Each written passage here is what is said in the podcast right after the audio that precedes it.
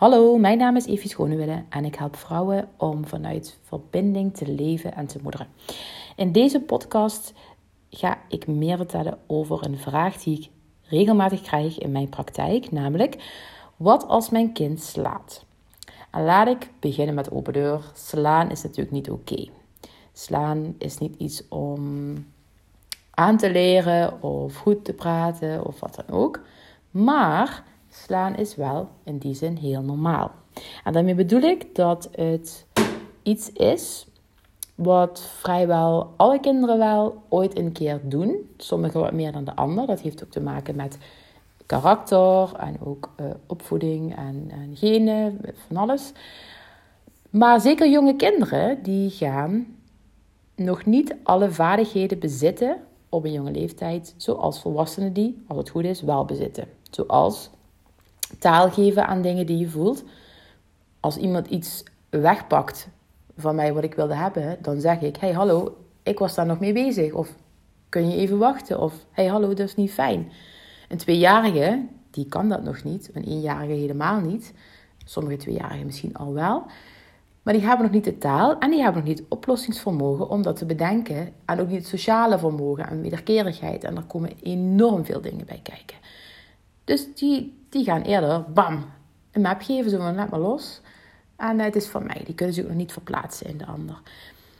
Daarnaast hebben kleine kinderen, dat gaat nog heel lang door. Dat, dat ontwikkelt zich nog tot in de adolescentie, zeker bij, uh, bij jongens. Duurt dat allemaal wat langer. De hersendelen die de regulatievaardigheden, uh, waar zich die ontwikkelen, die zijn nog helemaal niet rijp. Dus dat kinderen slaan, dat is een beetje een mythe, kleine kinderen die slaan, dat dat per se slecht is. Of dat alleen maar kinderen slaan die bijvoorbeeld niet goed opgevoed zijn. Of die ook ouders of familie hebben die slaan of zo. Dat is echt totaal niet aan de orde. Het is wel zo, ook al is het normaal. Dat is, dat is wat ik er naar kijk. Ook al is het te begrijpen dat een kind van één of twee, of ook zelfs misschien drie, vier of vijf in bepaalde situaties eh, of zes slaat, om het niet te laten gaan, om het niet goed te keuren. Alleen is het de vraag hoe ga je ermee om als een kind nog niet de vaardigheden heeft. En, en wat zegt het eigenlijk? Nou, om eigenlijk aan de, de basis te beginnen van het slaan, daar ligt eigenlijk altijd eh, iets aan ten grondslag.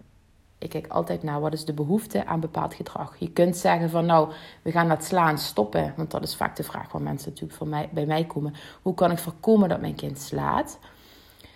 En ik ben niet voor een gedragstherapeutische aanpak. In de zin van, als jij slaat, dan ga je naar de, naar de trap. Of dan mag je niet uh, op je uh, game device of mag je geen filmpje kijken. Sowieso ben ik geen voorstander van straffen nog belonen. Alleen het heeft ook waarschijnlijk niet veel nut. Want als een kind het nog niet kan reguleren, dan krijgt het alleen maar straf voor iets wat het nog niet kan als een, als een kind nog niet op een andere manier kan oplossen, dan is het onze taak, vind ik, om hem of haar te kunnen helpen om het op een andere manier te gaan leren oplossen. En bij een 1, 2, 3-jarige ga je dat waarschijnlijk honderdduizend keer moeten herhalen, omdat het gewoon nog niet in hun vaardighedenpakket zit. Maar dat, daar ben je aan het leren. Dat doe je stap voor stap met soms hele kleine stapjes en heel veel geduld. Wat is dan de manier? Nou, ik kijk naar de behoeften eronder. En vaak is dat, waarom mensen, niet alleen kinderen, maar waarom mensen tot bepaalde daden overgaan, ook volwassenen die agressie gebruiken, dat is vrijwel altijd machteloosheid. Die schiet in je stressbrein, oftewel je kunt niet meer helder nadenken en dit is een beetje van aanvallen. Alsof je, net als vroeger, alsof er een, een leeuw voor je, voor je hol staat, of een leeuw, een, een tijger of een beer of wat dan ook, en je moet aanvallen. Dat kan zelfs al bij ons getriggerd worden als iemand iets tegen ons zegt. Dat deel in ons hersengebied. We moeten aanvallen. En als je dan nog niet die regulatievaardigheden hebt ontwikkeld, dat is bij veel volwassenen ook niet helemaal het geval, dan heb je daar geen filter meer over en dan kan het uit impuls kan het eruit schieten. Dan, dan spreek je dus heel erg in die machteloosheid. En bij kinderen komt het natuurlijk heel vaak voor, want die zijn ook, zeker heel kleine kinderen, nog heel vaak machteloos en hulpeloos. Zij kunnen zich nog niet helemaal uiten hoe ze willen.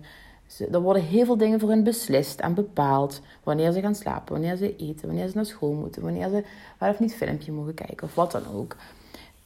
Dus er zijn heel veel dingen waarin ze zich al moeten ehm, ja, aanpassen eigenlijk. En zeker als ze iets willen duidelijk maken of gefrustreerd zijn dat iets niet lukt, dan zie je sneller dat ze ja, dit soort gedrag nog laten eh, zien. Wat dus nogmaals helemaal normaal is, zeker gezien ontwikkelingsstadia, maar dus niet oké is. Daarnaast, naast machteloosheid, is opgestapelde spanning vaak een eh, hele belangrijke trigger. Bijvoorbeeld stel je voor een, een kind die uh, speelt met een ander kind en die speelt met blokken en keer op keer wordt daar, die blokken worden afgepakt of een toren wordt omgegooid. Nou, en op een gegeven moment, sommige kinderen gaan dan meteen de eerste keer bam, zo van stoppen, slaan of duwen of huilen of gillen. Ik bedoel, iedereen heeft zijn eigen, eigen manier daarin. Maar het kan ook zijn dat na de vierde keer, of na de tweede keer, of na de achtste keer, dat zo'n kind op een gegeven moment zo vol is van die frustratie en nog niet die vaardigheden ook heeft om al bij keer één of keer twee te zeggen van, hey, stop nou. Ofwel, het kan het wel, maar de ander, het andere kind gaat toch over die grens heen. En heeft dan daarna, het, daarom zit vol, en klapt erop bijvoorbeeld. Dus ik denk dat het altijd goed is naar kijken, wat maakt dat een kind uh, slaat in die specifieke situaties. Zeker als een kind wat ouder is, als het al op school zit bijvoorbeeld, en het vaak ook al wat andere manieren heeft geleerd om met die uh, machteloosheid of opgestapelde spanningen om te gaan en toch blijft slaan. Wat is de behoefte eronder? En ook heel belangrijk, want dat hoor ik ook vaak terug. Ja, maar wat doe ik dan fout? Nou, je doet als ouder altijd wat je kan. Het is echt niet, um, het gaat, dan gaat het vaak over schuld. Hè? Het is mijn schuld dat mijn kind slaat. Tenzij jij iedereen die je tegenkomt slaat, is er zeker wel een, aan. Maar de mensen die, die ik spreek, daar is, het, daar is dat niet het geval en spelen er andere zaken. Dus dat vind ik ook belangrijk om mee te geven. Heb ook een beetje compassie met jezelf. Naar jezelf toe. Dus bij oudere kinderen kijk ik dan ook in dit geval um, onlangs twee gezinnen waarbij ook dit speelde. Waarbij een kind, één was uh, geloof ik zeven en de ander was nog drie. Uh, het waren twee verschillende gezinnen. Maar wat, wat maakte nou dat een kind ging slaan. Dus dat, dat is, kan zo vol zitten met frustratie, opgestapelde spanningen, dat het geen andere manier meer ziet en eigenlijk in dat stress, in dat oerbrein schiet en slaat. Dus allereerst, eventjes samenvattend, het is normaal als kinderen slaan als ze nog geen andere mogelijkheden hebben geleerd. Het is niet oké. En ook als ze andere mogelijkheden hebben geleerd, is het belangrijk om te kijken wat is de behoefte of de onvervulde behoefte die er ten grondslag ligt. Zijn het die vaardigheden? Kun je kijken met de kinderen. Kunnen we andere manieren leren? Kun je bijvoorbeeld een gesprekje aanknopen met kinderen? Zeker als ze al op school zitten. Van... En op dat moment is het niet voor reden vatbaar meestal als het slapen. Want zitten dan hoog in de emotie. Maar dan geef ik altijd aan, dan stop het gedrag. Ik wil niet dat je slaat, of ik wil niet dat je mij pijn doet, of je broertje, of dit jongetje of meisje. Ik ga je nu even uit de situatie halen. Ik ben ook geen voorstander van straf. En kalmeren, op verbinding aan kalmeren. En als het later kalm is, kalmer is, hé, hey, vertel me eens, wat gebeurde er nou? En heel open luisteren. Ja, ik werd gewoon boos of uh, die mocht dat gewoon niet doen. Oké, oké. Hm. Ja, ik hoor je. En wat zouden we dan samen kunnen bedenken wat je in zo'n situatie de volgende keer zou kunnen doen?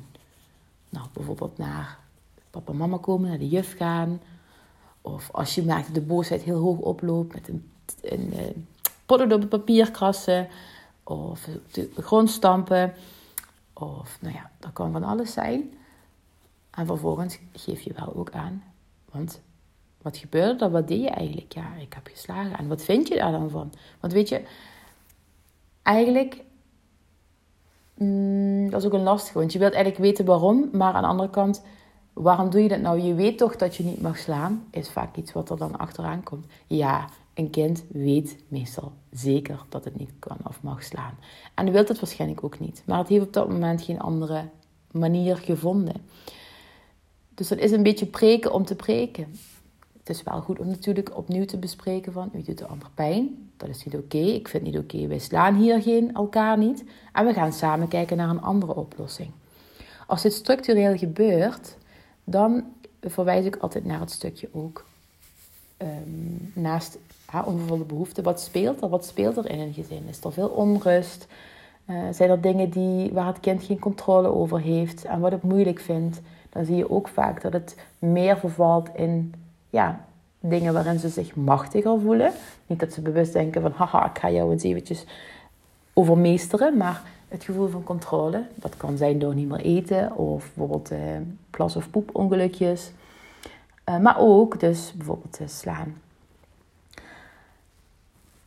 En de allerbelangrijkste manier om uh, wat voor gedrag dan ook überhaupt te kunnen ja, corrigeren, vind ik niet echt het juiste woord, maar op een manier kunnen buigen in samenwerking met het kind, zodat het oké is voor alle partijen en dus geen uh, spullen kapot maken, geen mensen pijn doen, niet zichzelf pijn doen, is, ja, dat is een beetje ook mijn, mijn stokpaardje, verbinding. Zonder verbinding kun je niet begrenzen en kun je niet gedrag uh, aanpassen. Want als een kind niet in verbinding is met degene die het wat wil vertellen, gaat het alleen nog maar meer ageren. Dus als je merkt dat een kind steeds weer zich op deze manier uit, nodig ik je uit, als het je eigen kind is of als het een kind in de klas is, om te kijken van hoe zit die verbinding? Kunnen we op een andere manier misschien aansluiten bij dit kind? Wat heeft het nodig? Want het heeft duidelijk een onvervulde behoefte. En nogmaals, het kan zo simpel zijn bij een klein kind als nog niet de regulatiemogelijkheden of niet de vaardigheden om het anders op te lossen. En dan herhaal je dat en begrens je dat liefdevol en herhaal je het en herhaal je het en herhaal je het. En zul je uiteindelijk denken, mijn god, al het herhalen. Waar leidt dit naartoe? Dit gaat nergens naartoe. Um, wat ben ik aan het doen? Tot er op een dag dat je denkt, hé, hey, wacht eens even. En dan hebben ze het toch opgepikt. Het heeft vaak heel veel herhaling en ook gewoon heel veel tijd en geduld nodig. Een kind moet ook op de, op de plek kunnen komen in zijn ontwikkeling dat het er ook rijp voor is en dat het kan. Niet alleen in emotionele zin, maar ook in hersenontwikkeling dus. Dus verbinding. Dus kort samengevat, uh, kijk naar de behoefte, die behoefte die eronder ligt. Vanuit verbinding, begrens liefdevol, waar het toch gebeurt dat er geslagen uh, wordt. Nee, dat is niet oké. Alle emoties mogen zijn, maar niet alle gedrag. Maar het is normaal dat kinderen, zeker jonge kinderen, in een bepaalde ontwikkelingsfase slaan. En toch mag het, moet het, vind ik, begrensd worden. En samen kijken in verbinding, zonder straffen en belonen is mijn advies. Te kijken naar een andere manier. Ik merk dat er nog heel veel te zeggen is, dat het misschien wat globaal blijft. En zoals ik al zei in het begin, ik kan er misschien tien podcasts over opnemen. En ik denk dat ik ook zeker een vervolg hierop ga plaatsen. Dus heb je nog vragen, specifieke vragen, misschien wel gewoon een, uh, een concrete vraag over jouw, uh, jouw kind of in jouw praktijk, een, een cliënt, laat het me zeker weten. Dan uh, kan ik het eventueel behandelen in deze podcast. En dat, dat kan altijd anoniem, uiteraard. Ook andere vragen hierover hoor ik heel, heel graag. Dankjewel voor het luisteren en ik hoop tot de volgende weer. Hoi!